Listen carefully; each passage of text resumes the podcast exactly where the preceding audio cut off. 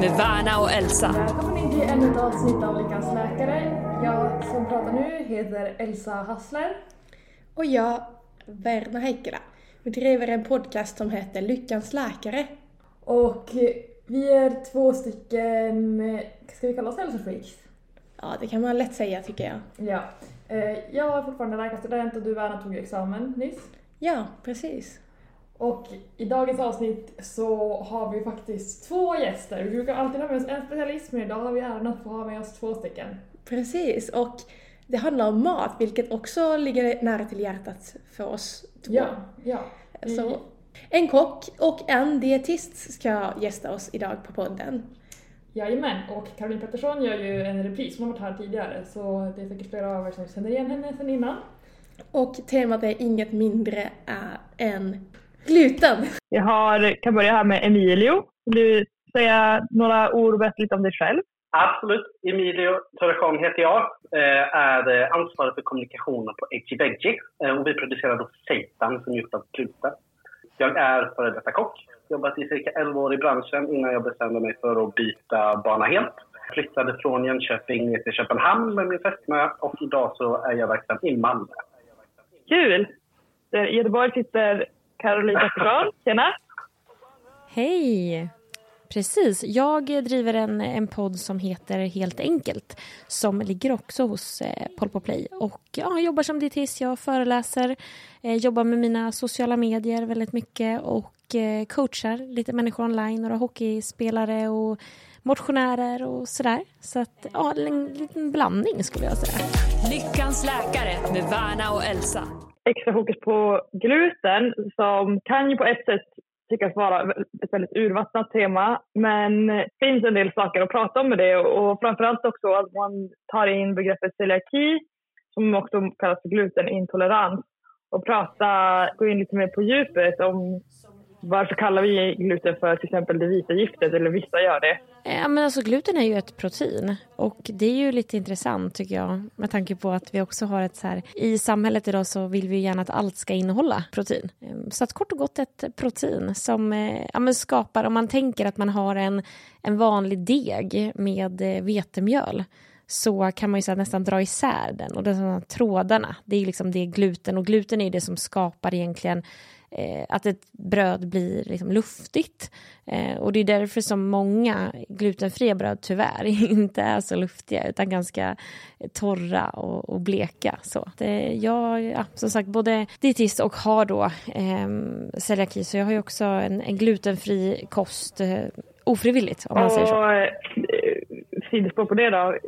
Föddes du med det eller har du fått det under senare år? Nej, men det har, förmodligen så har det ju varit eh, under längre tid för att det upptäcktes och, och det kan ju upptäckas av olika saker, liksom viktnedgång och magproblem och diarréer och sådana saker. Men att jag gick ner i vikt eh, blev det. Och, och det var ju helt enkelt för att eftersom att när man har celiaki så blir det ju som att när man får i sig gluten så angriper ju egentligen liksom sitt egna immunförsvar. Eh, och då förändras ju de här liksom tarmvillin eh, och nästan, ja men kort sagt nästan så här klibbar ihop kan man säga. Man slutar ju helt enkelt till slut att ta upp näring eh, när man får i sig gluten, när man då har det här. Eh, så att eh, det var det som hände. Eh, och så gjorde jag en gastroskopi och gjorde blodprover och så såg man. Mm. Du ingår i de 3 procent i svensk befolkning som faktiskt behöver äta glutenfritt. Mm. Sen är det ju otroligt många som gör det av andra orsaker. Det var bra att du nämnde autoimmun sjukdom för det är så många som tror att celiaki är en allergi och att, att man kan äta lite grann och tänker att det är lite som eh, laktosintolerans. Att det, gör, att det är inte hela världen om man får i sig lite av eh, gluten då. Men det är ju en autoimmun sjukdom och man ska ha en livslång diet utan gluten. Mm. Nej men eh, precis som du säger Vera så, så är det ju en autoimmun sjukdom och jag vet inte om jag sa det ordet just men eh, och framför allt så är det väl också så att det viktigaste som, som vi faktiskt pratade om just om man ser till dietistprogrammet det var ju det här med att ja, men, som du är inne på också att det, det är liksom ingen allergi så man kanske kan slarva lite med att få lite utslag om det skulle vara så. Ehm, men, utan det är ju rent ut sagt liksom farligt på det sättet för att det är också så att får man i sig det så är det inte säkert att skadan på tarmen speglar ju inte alltid symptomen. Vissa kan ju få i sig det utan att de märker av det ens. Eh, Medan andra får jätteallvarliga symptom. Så att det är ju jätteviktigt att, eh, att vara noggrann och inte mm. slarva. Eh, jag har ju slarvat tidigare, alltså när jag var yngre. För att då fattade jag inte riktigt innebörden. Eh, men mådde ju inte så bra kan man säga. Men hur, alltså, hur mycket påverkar det ditt liv idag? Nej, men idag är jag väldigt van skulle jag säga. Både tack vare att men, som sagt gått tre år och läst om, om kost och då fick man ju väldigt mycket mer kött på benen. Eh, och sen så blir man ju, jag menar, det finns ju mer och mer produkter idag också som man faktiskt kan eh, äta som, eh, alltså när man inte kan äta gluten, den glutenfria hyllan blir ju allt större och större. Så att eh, det, mm. det, påverkar faktiskt inte sådär jättemycket. Det, det jag ska säga det är väl om man är på restaurang och, eller så här, gå bort till någon annan då. Men eh, på restaurang så kan de vara väldigt lite nonchalanta faktiskt i, i det här och ändå så här, jag vet att det var några mm. från några år sedan nu när jag beställde någon, en caesarsallad och då så var det ju och i kycklingen så var det någon form av, eh, undrar om det var att de hade friterat den eller vad det var, så att vetemjöl och så här. Så då bad jag om, jag tror att jag fick räkor istället. Eh, och så sa jag så här, nej men jag kan inte äta det för det är gluten i och så där. Eh, och då så um, kom den in med krutonger. Eh, och jag var så här, ja nej men det här det är ju också gluten. Och då tog de ut den och så tog de bort krutongerna och så gav de mig den tillbaka igen. Och då, då sa jag också det att det här funkar liksom inte. Eh, så slutade med att jag faktiskt inte åt någonting alls. Jag blev så sur. Jag förstår, jag hade också blivit sur. En majoritet, alltså det här glutenfria hyllan och utbudet har ju ökat och det är ju fantastiskt för er. Men jag undrar om det är av välvilja för er som har celiaki eller om det är för att det finns så många andra där ute som tror att de behöver äta glutenfritt fast de inte behöver det och uh, att det är orsaken till att hyllan växer. Ja, precis. För jag kollade faktiskt upp senast idag och antalet eh, människor med celiaki har inte ökat så där markant. Eh, men ändå har produkterna, det är både bra och dåligt för att det finns otroligt många produkter utan eh, glutenfria produkter. Men som Elsa säger så tror jag att det speglar lite trenden att det är så många som inte har glutenintolerans eller celiaki som vill också äta glutenfritt för att de tror att, eh, att det är bra för dem. Ja, nej men, och jag tror generellt att det är lite så trendigt kanske att äta mycket så märkt med fritt från. Mm. Eh, och enda faran med det, det är väl om man hamnar i, i ett spår där man bara äter fritt från. Mm. För att då kan det ju bli att det till slut blir, som jag brukar säga, liksom fritt från näring eh, nästan. Mm. Eh, sen är det inte så att bara för att man väljer kanske glutenfritt eller laktosfritt, det är inte så att det inte är näring. Men när man snör in väldigt mycket och jag jobbar ju annars också lite med människor som har kanske någon form av ätproblematik eller ja, kanske inte helt sund syn mm. på mat och där ser jag också att det kan vara ett mönster att man kanske har ja, men valt bort en sak och sen så byggs det bara på och till slut så har man dels massor problem med magen, man vet knappt vad man inom citattecken vad man tål och vad magen tål och sådär för att man helt enkelt har nästan satt sig där för att man bara utesluter och utesluter. Mm. Eh, och det är ju lite knepigt. Och så. Sen är det jätteviktigt att var och en ser över vad man själv mår bra av och, och mår man bra av att ta bort någonting eller så, så är det bara viktigt att man eh, ser till att man får i sig all näring man behöver ändå. Precis. Jag funderar på gluten är ett fi och det har massa bra egenskaper. Det finns många bra grejer med det eh, och många användningsområden och det är billigt och det finns i Sverige och hela den biten. Vad kan vara anledningen till att det har fått ett så dåligt rykte? Nej, ingen tydlig anledning förutom då kanske det jag var inne lite på det här med att man gärna väljer fritt från. Eh, sen tror jag faktiskt att många eh, om, man, om, man, kanske inte är så insatt i, eh, i kost överlag eller sådär, då kanske man eh, helt enkelt tror att nej men glutenfritt, det är väl, ja men då är den varan till exempel mycket bättre. Eh, eller för den delen, ja, sockerfritt eller det kan ju vara liksom vad som helst, inte för att socker och gluten är samma sak, men just det här med att man hamnar lite i att fritt från någonting skulle vara någonting som är automatiskt bättre. Ehm, så det är väl egentligen det, tror jag. Ehm, sen, ja, nej, jag, jag vet faktiskt inte. Och som sagt, jag tycker alltid att man ska göra det som, som passar för en själv. Och har man hittat ett sätt som verkligen funkar så ska man ju köra på det. Men just att man ja, inte gör saker för att man kanske är rädd för det eller sådär. För det kan ju bli knepigt om man till slut bara har tio olika livsmedel man sitter och äter. Och det har jag ju liksom haft klienter som kommer nästan och är så här livrädda för allt annat och så får man nästan börja återintroducera liksom, både laktosprodukter och det kan Mm. vara gluten och Och jag tänker också på det spåret, det, det jag också fiskade lite för, och det är inte säkert att det stämmer, men det kan ju ligga något i det också i att ja, om man tar som gluten, det finns ju i många produkter som annars kanske är ja, men, eh, sånt som folk har lätt att överäta av, som kanske vitt bröd, ehm, ja, men, chips eller snabbmat finns ju ofta gluten i de produkterna, eller pasta. Alltså det är saker som innehåller energi och man lätt kan äta mycket av och som många tycker om. Att det kanske blir att då säger man att det ska vara glutenfritt bara för att, för att kanske, ja men då ät- äter man grönsaker istället. Kanske tanken är från början. Men att liksom lite grann förstå att gluten inte är boven i dramat. Jag har själv till och med en gång i tiden testat på att eh, ut, utesluta gluten ur kosten helt bara för att alltså, eh, ta en månad och se om jag märker någon skillnad på min egen hälsa. Och det var verkligen ingen som helst skillnad. Och det var så här, varför lägger folk så mycket tid och pengar och energi på att utesluta det här och, när de inte behöver det? Alltså helt full respekt till alla som har celiaki, men till alla er andra liksom. Absolut. Så tänkte jag, typ som, som Elsa också nämnde, att gluten är ju faktiskt någonting som odlas i Sverige och som, eh, och som är protein och är dessutom veganskt. Så att de som äter veganskt och vill få i sig protein så det är en ganska bra proteinkälla. Och jag tyckte att det var så häftigt när Emilio du berättade om just att eh, hur ni det produceras i Sverige och all, alla era produkter eh, tillverkas i Sverige också. Så det är liksom både veganskt och närproducerat. Nej, men det, det tror jag inte. inte. Eller jo, det kan säkert finnas jättemånga som vet. Men jag tror ändå att så här, vissa in, inte vet om då just vad det har för funktion. Men som sagt, jag, jag vet inte riktigt. Och sen så är det givetvis så att säg att man, eh, precis som du var inne på Elsa, att gluten finns i, i ganska många produkter som innehåller massor med annat och så. Skulle man be en person bara ta bort allt med gluten Eh, då är det kanske så att säga att den bullen man kanske äter till fikat på jobbet det finns ingen glutenfri bulle utan då får jag ta ett äpple till exempel.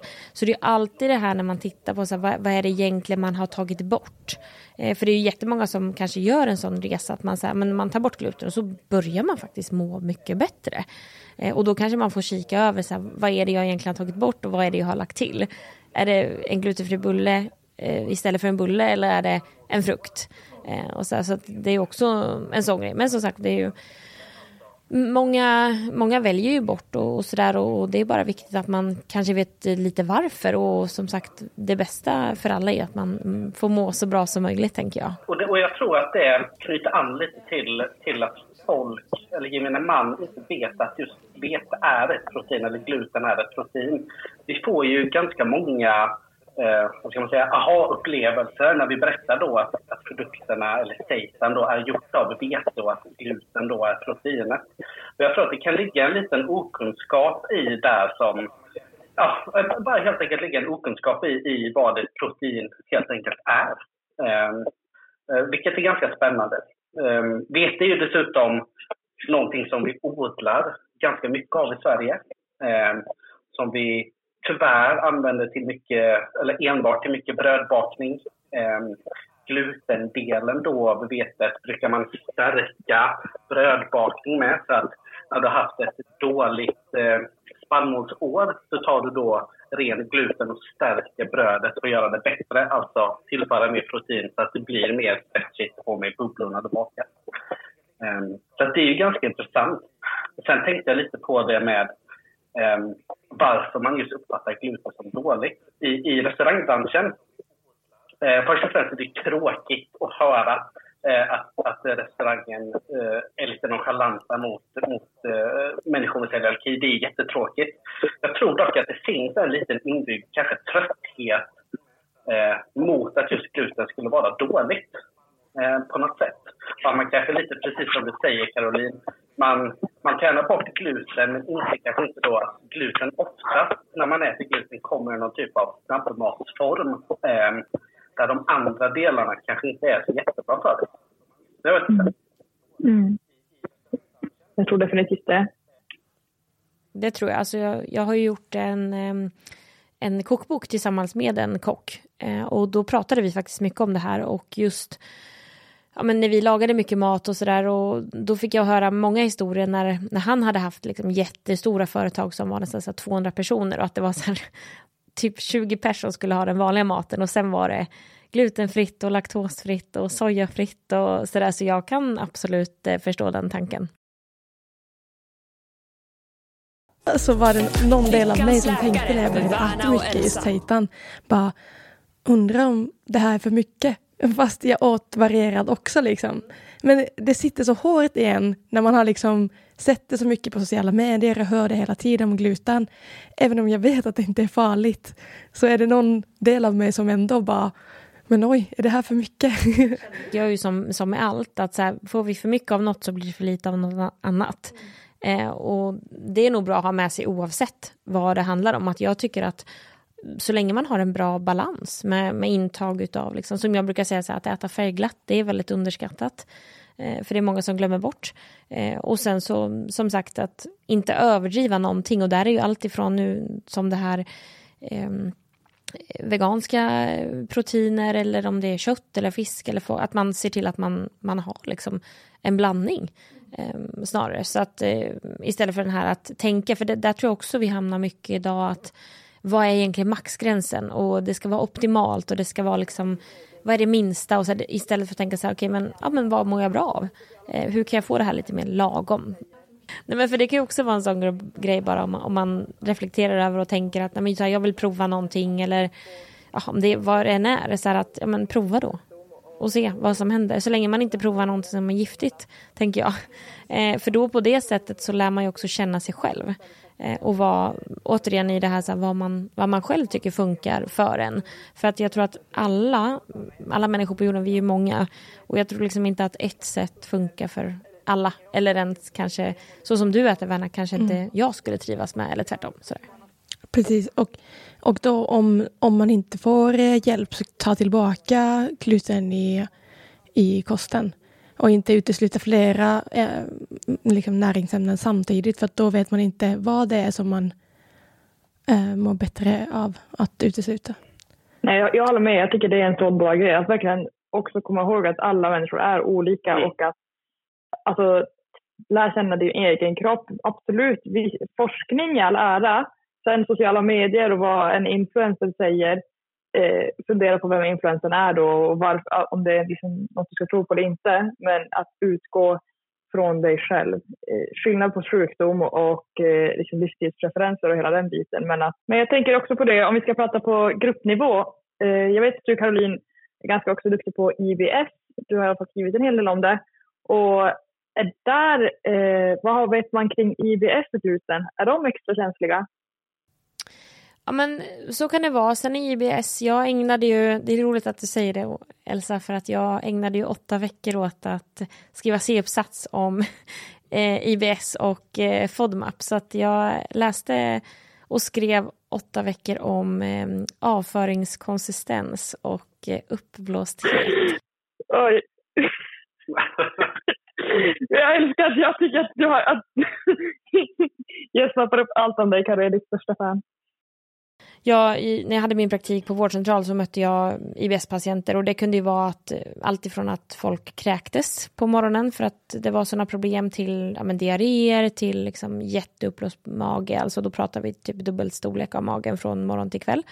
Ehm, så det kan det vara. Sen är ju kanske inte eh, glutenfritt. Det man ska komma ihåg också, i många produkter med gluten så finns det ju någonting som, ja men FODMAP, alltså fermenterbara kolhydrater och de skapar ju också eh, gas. Eh, så att där kan man ju också ibland ta fel kanske på vad det är som egentligen är så att säga problemet. Eh, men vissa som har IBS, de har ju eh, tagit bort till exempel gluten.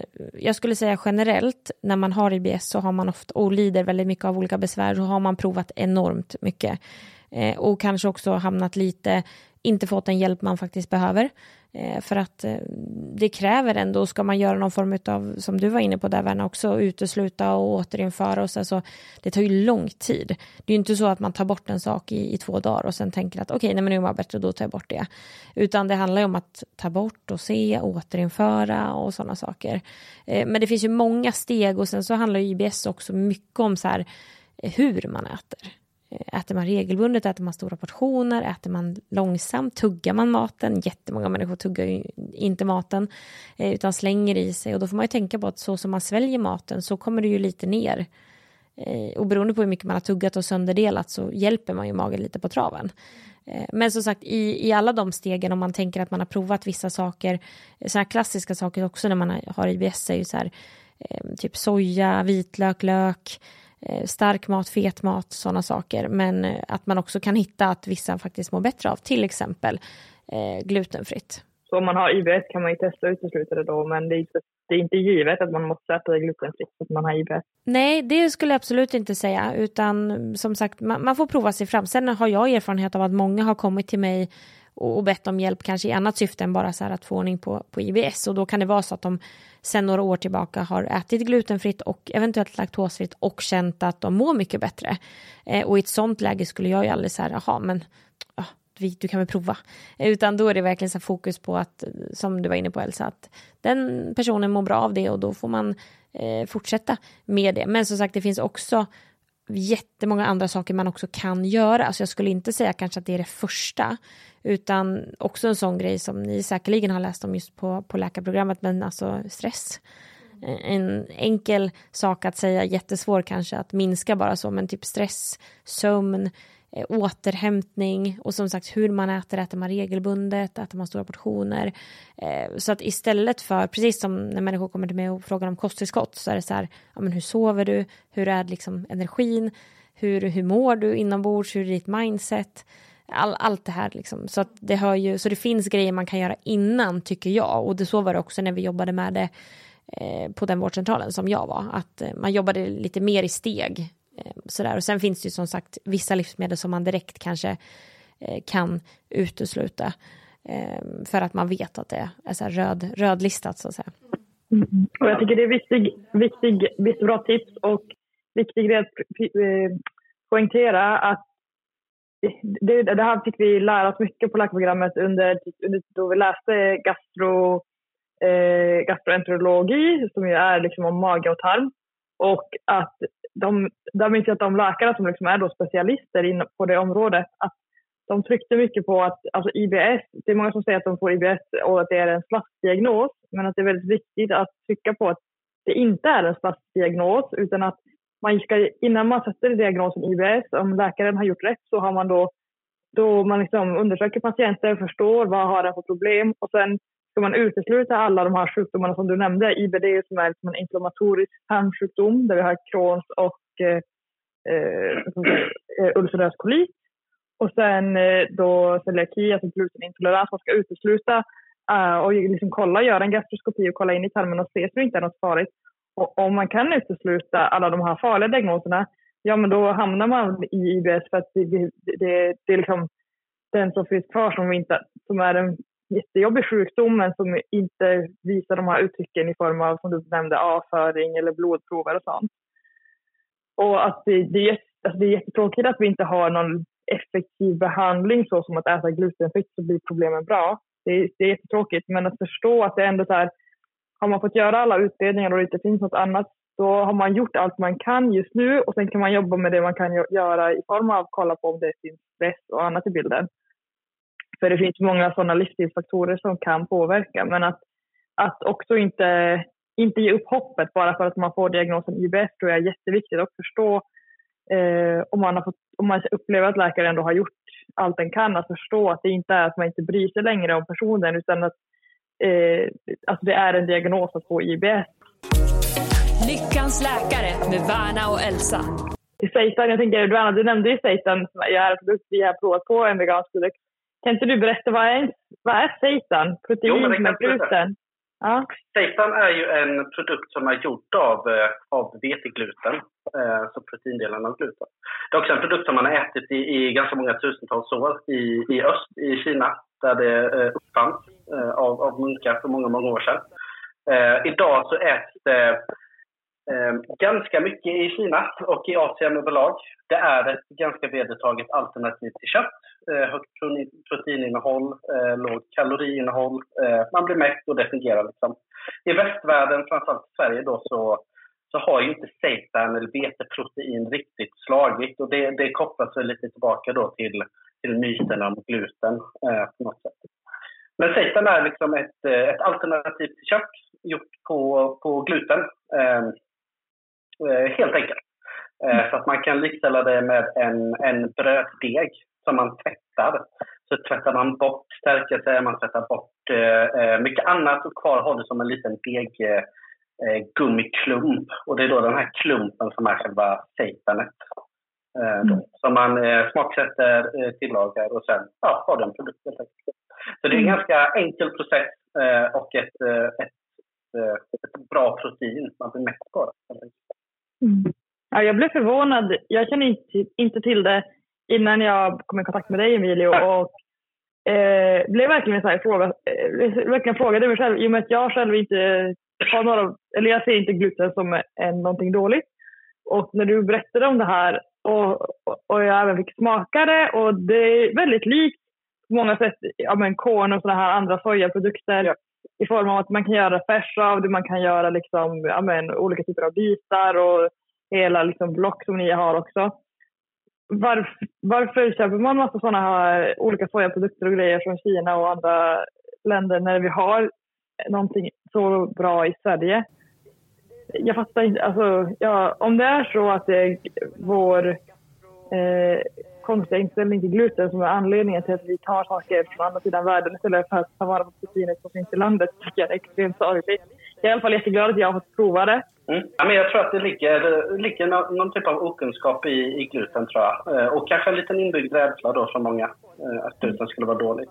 Och det är klart, våra, eh, våra produkter, och det här menar vi verkligen när vi pratar om dem, är ju eh, ett alternativ som många andra alternativ i vardagen. Eh, man ska inte leva på en kost av enbart sill.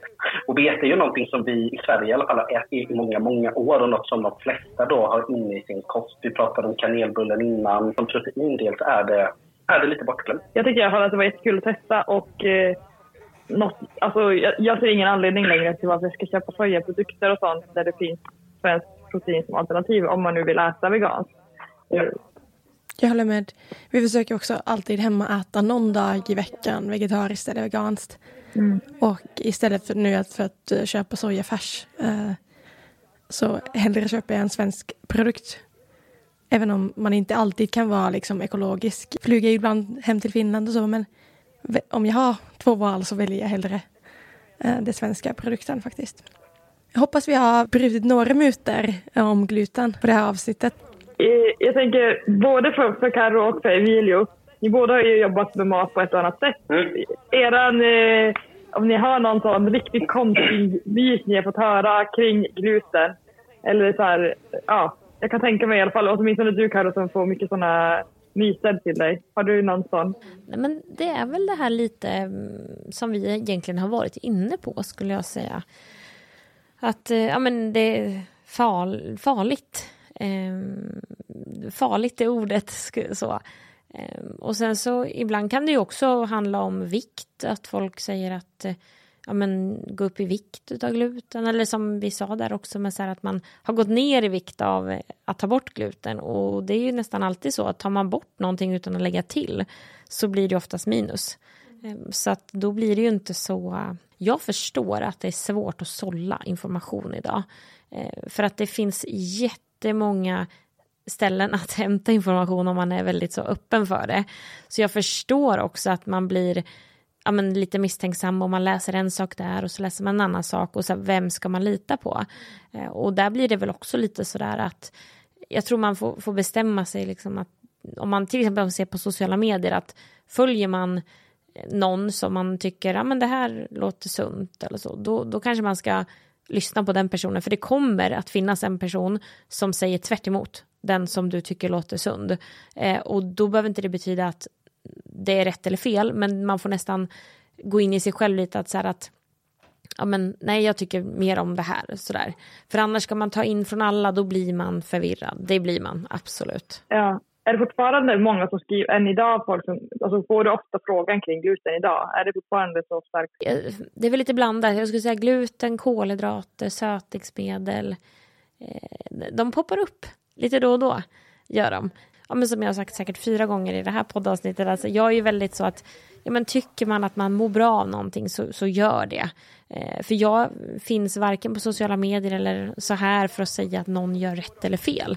Jag tycker bara det är synd att man generellt sett blir rädd för någonting eller eh, gör no alltså baserar kanske val på felaktiga grunder för sig själv. Så att man till slut som sagt hamnar väldigt så i ingenmansland. Eh, sen om det handlar om gluten eller om det handlar om laktos eller sötningsmedel eller vad det kan vara. Det finns ju jättemycket myter verkligen. Mm, mm. Har du någonting Emilio? Får du något som kock? Ja, men det är väl lite samma det med att man, eh, man skulle gå upp i vikt av att äta gluten. Och ofta så kan det ju vara så att du kanske beställer då en glutenfri. Är inga konstigheter att kanske då äta pommes frites. Att en glutenfri pizza ska vara bättre bara för att man går till restaurang, men så är det inte. Nej. Man kan säga att de glutenfria pizzorna är ju inte så goda överlag. Nej, och det är väl något som vi kanske inte har rört vid så mycket, eh, som, som står mig ganska nära hjärtat. Att det ska också vara lite gott att leva. Och, och det är ju inte förutsatt att glutenfritt inte är gott. Men, men i hela den här, eh, ska man säga, utan livsstilen där du ska ta bort så mycket som möjligt så kanske man också eh, missar lite poängen med att äta eh, upplevelsen som är en måltid som på något sätt handlar om att, att njuta. Eh, inte alltid, men ibland i alla fall. Det tror jag att vi alla kan hålla med om. Ska vi inte avsluta med eh, den frågan vi ställer till alla våra gäster? Även om vi har, fått svara på den en gång, men jag tycker att hon kanske har ångrat sig eller glömt bort. Eh, men eh, då kan Emilio få, börja, Emilio få börja. Vad är ditt bästa hälsotips? Mitt bästa hälsotips, det här är väldigt personligt, men det var att sluta snusa. Mm. Ehm, det var eh, kanske inte just för att snuset är dåligt, det är ju dåligt, men för mig så var det skönt och bra med ett, ett beroende. Nej men jag skulle nog säga bästa hälsotips, oj vad svårt. Eh, njut mer av det du äter. Och det här är midsommarveckan när vi spelar in så förhoppningsvis ska vi njuta av riktigt härlig midsommar. Ja. Gillar ni, gillar ni klassisk eh, med midsommartårta och sill? Ja, det gör jag. Nej, jag gillar inte midsommar. Om ni menar med svensk midsommartårta att det är grädde och grejer. Jag tar hellre glass och jordgubbar. Men du, firar ni eh, midsommar i Finland? Det här är typ sjätte gången jag får frågan idag. Men ja, det gör vi. Och det är lika stort Nej. i Finland som i Sverige. Men det är inte stort i Norge, för där har jag också varit en gång på midsommar och de firar inte alls Men ni midsommar. gör likadant och hoppar och... Ja, sill och... Det enda...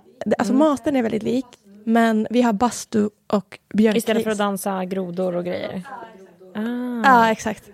men det Så vi sitter i bastun istället. Ja. Jag tycker Ja, att det är ja men det, det skulle jag kunna tänka mig. Jag har lite svårt att andas när jag bastar dock, men eh, annars så är det trevligt. Ja, nej, du Elsa frågade om jag gillade det. Jag gillar väl absolut, jag älskar ju potatis så det finns ju mycket potatis på midsommar. Mm, gott. Färsk potatis och dill. Exakt. Smör. Mm. Och eh, sill kan jag faktiskt tycka om också. Färsk potatis är den bästa. Mm. Åh, men eh, härligt hörni, jag hoppas att ni alla får en trevlig sommar. Tack. Tack detsamma. Detsamma. Detsamma till Malmö och Ja. Stockholm. Då vet vi en hel del om gluten och jag tar med mig att det finns många människor som har celiaki och det är väldigt jobbig sjukdom. Men att för oss som inte har celiaki är det inte något problem ens att äta stora mängder um, gluten. Bara man ser till att äta varierat och ha um, många olika näringskällor i sin kost. Mm. Och jag tar även, eller jag fick en liten koppling till eh, ett tidigare avsnitt vi haft som är, handlar om IBS. Det var faktiskt min pappa som är eh, gastroenterolog, alltså specialist inom mage och tarm, som gästade podden. Och vi pratade en hel del om tarmen och om hur, att liksom, om man har problem med magen och sådana saker. Vilket många kan koppla till gluten. Och hans hälsotips var ju att lyssna på kroppen. Och jag tror verkligen det är någonting att ta med sig från det här avsnittet när det kommer till gluten och um, och vad som är rätt och vad som är fel. Att så här, lyssna på din kropp. Precis som jag själv nämnde att jag har provat att äta glutenfri kost och jag märker ingen skillnad i min hälsa. Så att testa sig fram, det tror jag 100% på. Mm, absolut. Har du något eh, favoritrecept eh, med eh, edgy veggie? Ja, så faktiskt idag så åt jag, eh, jag stekte i lite rapsolja eh, seitan kebab. Och ke, säger man keb, kebab? Ke, kebab? Du är så gullig kebab! Kebab? Ja, du är så söt! Seitan kebab! Kebab? Kebab skulle jag säga. Ah, ja. Okej, mm, jättegulligt. Och så hade vi, för vi, vi ska ju flytta nu och eh, vi försöker äta ur frusen liksom. Och jag hade frust in det. Och så fanns det även lite hotdog, eh, alltså korvbröd. Eh, så då tog vi liksom grönsaker, seitan och eh, sånt här eh, starkt sås, va? Vad heter det? Sriracha eller? Sriracha, exakt. Eh, så jävla gott. Mhm. Så tänk att jag, jag åt bröd med gluten. Mm. Det hade inte någon som hatar gluten Nej, äh, gjort. Det är ett riktigt glutenbomb, men shit vad gott. Det var gott. Mm. Och det är så himla enkelt. Det är därför man behöver inte steka det länge. Man behöver inte liksom kolla om det är Nej. färdigt. Och du kan Utan, verkligen göra vad du vill med det, det är det jag gillar. Någonting som vi har ätit otroligt mycket nu när det blir sommar, varmt och man inte har så mycket tid, kanske inte har jättelust att äta så här varma grytor och soppor och sånt. Vi har tagit också stekt eh, seitanfärs eller kebab eller souvlaki, och bara steka det med lite kryddor och sen ha lipabröd eller tortilla och göra wraps. Alltså, Ja. Jag älskar det, man kan också ta vilka grönsaker som helst.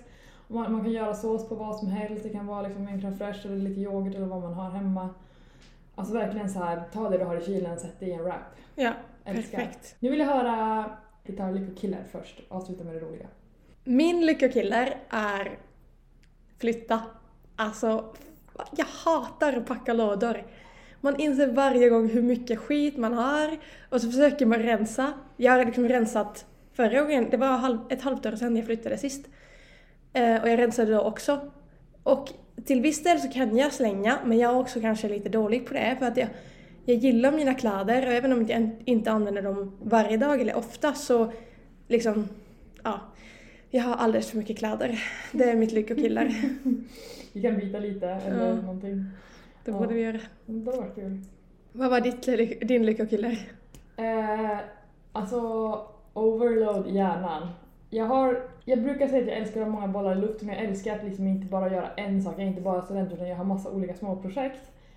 Men igår var en riktigt sån dag där jag kände bara nej, nej, nej. Alltså, det har varit liksom för många olika projekt på gång och för många olika liksom både med, för, alltså, när man inte har rutiner så mycket under sommaren och man samtidigt har massa olika små projekt igång och man reser lite runt och det är mycket saker som händer.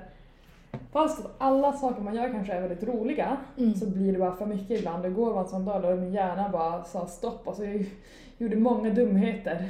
Bara en exempel var att jag, jag skulle skura väggen för jag hade spilt lite på väggen. Och jag skurade så hårt så att det gick hål i väggen. Nej! ja! Alltså mål. Spackla! Ah, Att jag, jag var tvungen att spackla igen hålet. Alltså jag hade skrubbat så hårt på väggen för det var inte tapet. Perfekt. Det var liksom den här väggen, en- det är typ en gipsvägg eller någonting. nej men gud. Så sådana där dumma saker gjorde jag och, ja, min sambo frågade mig i slutet av dagen när han kom hem från jobbet, han bara “men Elsa, hur har du mått idag egentligen? Vad är det som har hänt?” Han var jag är lite orolig. Jag bara, Det att du har någon som säger över det. ja, verkligen. Ja. Okej, något gladare, det är ändå sommar. Mm. Men det vill jag dock säga att det betyder inte att man måste må tipptopp. ja, när det blir en press. Ingen kan ju äh, sätta stämpel på när man ska vara glad eller när man ska vara, känna olika saker. Ja, och sommaren är ändå, man kan räkna, om man inte räknar med maj så är det juni, juli, augusti. Ska man tre månader bara vara glad så kommer man som tusan få problem på hösten och vintern, det är inte så konstigt. Nej, såklart. Men vi ska ändå ta lyckopiller. Ja. Vill du börja? Eh, ja, jag har många saker. Jag har varit väldigt glad den här sommaren överlag. Och det finns många saker som är liksom större som man skulle kunna säga. Men jag vill ta en liten och materiell sak ändå bara för Mm. att det är... man får vara glad för materiella saker också. Ibland känns det att allt måste vara så liksom vackert och fint och det är så här. Djupt. Ja, exakt. Men, Men vad så... roligt, det här har aldrig kommit i podden så höll i hattarna, nu kommer det. Ja. Det är mitt abonnemang hos Espresso House. Just det, jag såg dig lägga upp någonting Ja, på Instagram ja. och du skrev att det var ingen samarbete. Nej, det är inget samarbete, ingenting. Men jag älskar, jag tycker det är så bra eh, att man kan via deras app, man betalar, det beror på, det finns olika priser beroende på hur liksom, olika abonnemang, om man vill bara ha vanlig kaffe eller olika typer av kaffe och sånt. Men jag har nu ett abonnemang så jag kan gå och hämta när jag vill islatte, cappuccino, alla grejer jag älskar. Så också jag har flera espresso väldigt nära mig och jag som jobbar mycket med dator och skriver i samarbete med datorn och har liksom inget kontor utan jobbar för mig själv och att jag bara, jag går ner, som inte både idag och igår har jag gått ner en gång på förmiddagen, en gång på eftermiddagen och tagit en kaffe och bara kunnat sitta där, jag kan sitta ute, jag kan sitta inne. Alltså det, jag lever mitt bästa liv så. Vad Jag får kul! så skön workflow. Vad kostar en sån abonnemang då?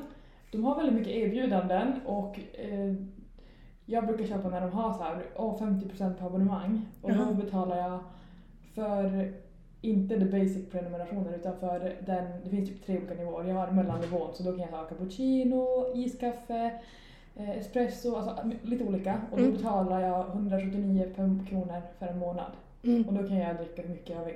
Men vad fan, Så det det är är ju liksom- så jag är- värt. Ja, jag har ju redan druckit för säkert 500 eller någonting. Nej men alltså, en sån, är inte en specialkaffe kostar ju närmare 90 kronor. Exakt! Och du kan till och med få decaf, alltså utan koffein. Ja, Så det det, är skulle så jag. här, Plus, vi, snack, vi snackade faktiskt om det i middagen häromdagen att nu med inflationen, kaffepriser har blivit så himla dyrt. Ett, ett paket kaffe man bara på hem kostar typ 80 spänn eller någonting. Ja, hade inte alltid kostat det. Nej. Ja, 69 har man kunnat hitta till. Ja, nej, men det, kaffe har blivit svindyrt. Ja, Alltså absolut. mycket dyrare med inflationen. Så det är också så här, kapp. Ja, allt, allt blir faktiskt dyrare hela tiden. Mm. Ja, men det har ju hänt något speciellt nu med matpriserna. Jag vet. Är Vi ska inte gå in på det. Nej. Det finns bakomliggande orsaker till det som vi inte ska prata om i den här podden just nu idag. Lyckokillar. Ja, exakt. Okej, men din tur. Min, Nu är det lyckopiller. ja, lyckopiller för mig är ändå, vad roligt, för att det är ändå flyttat till Stockholm. Jag ser fram emot det väldigt mycket.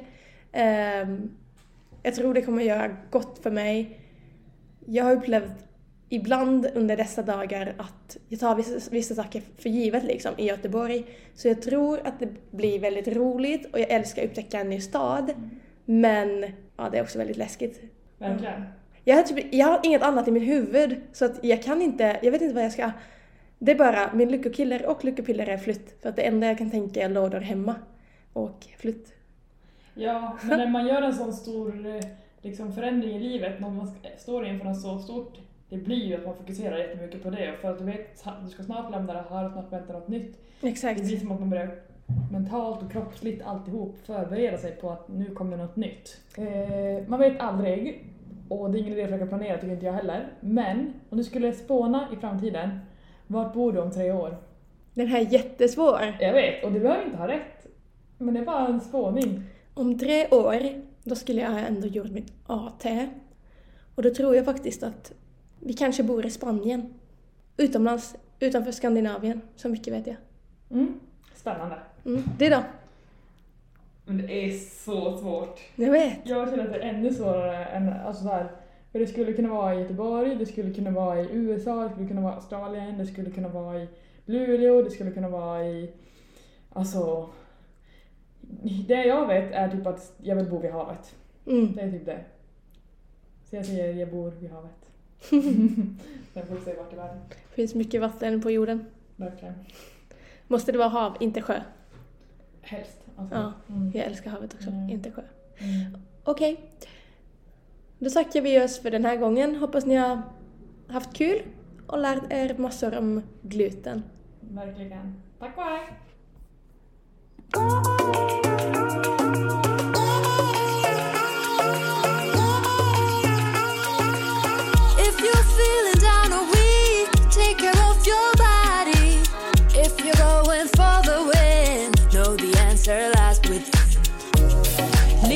Läkare med Värna och Elsa.